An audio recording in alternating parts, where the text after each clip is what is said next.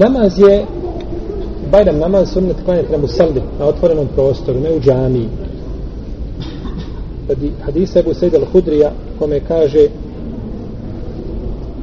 da je poslanik sa osrame na Bajramima izlazio na musallu pa bi počinjao sa namazom.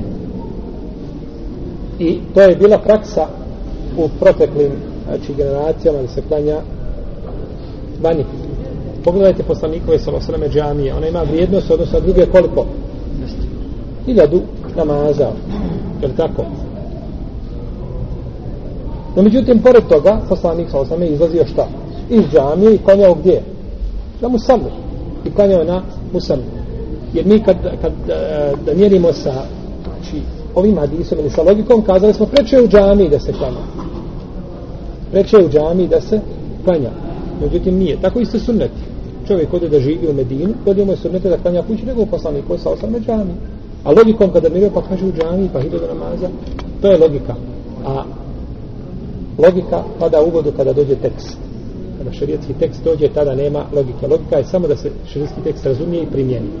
A nikako da se njime znači a, oponira šarijatskim dokazima.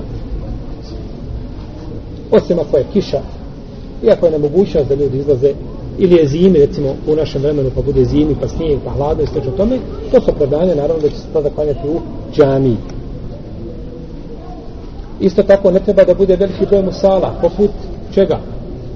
Džuma kada smo govorili tako da se u što manjem broju džamija klanje džume to je bolje to je preče. Isto tako kada je u pitanju musalla svi ljudi treba da iziđu u jednom musalbu znači da se iskupe na jednom mjestu. To je bolje i preče. Jedino gdje se Bajram namaz. Uvijek klanja u džami je Mekka. Znači u Mesjidul Haramu tu se ne izlazi nikada nisu u lema krozinacije nije izlaza i se izlazi gdje van. To je jedina znači džamija gdje je bolje da se klanja Bajram u džami nego da se izlazi na polje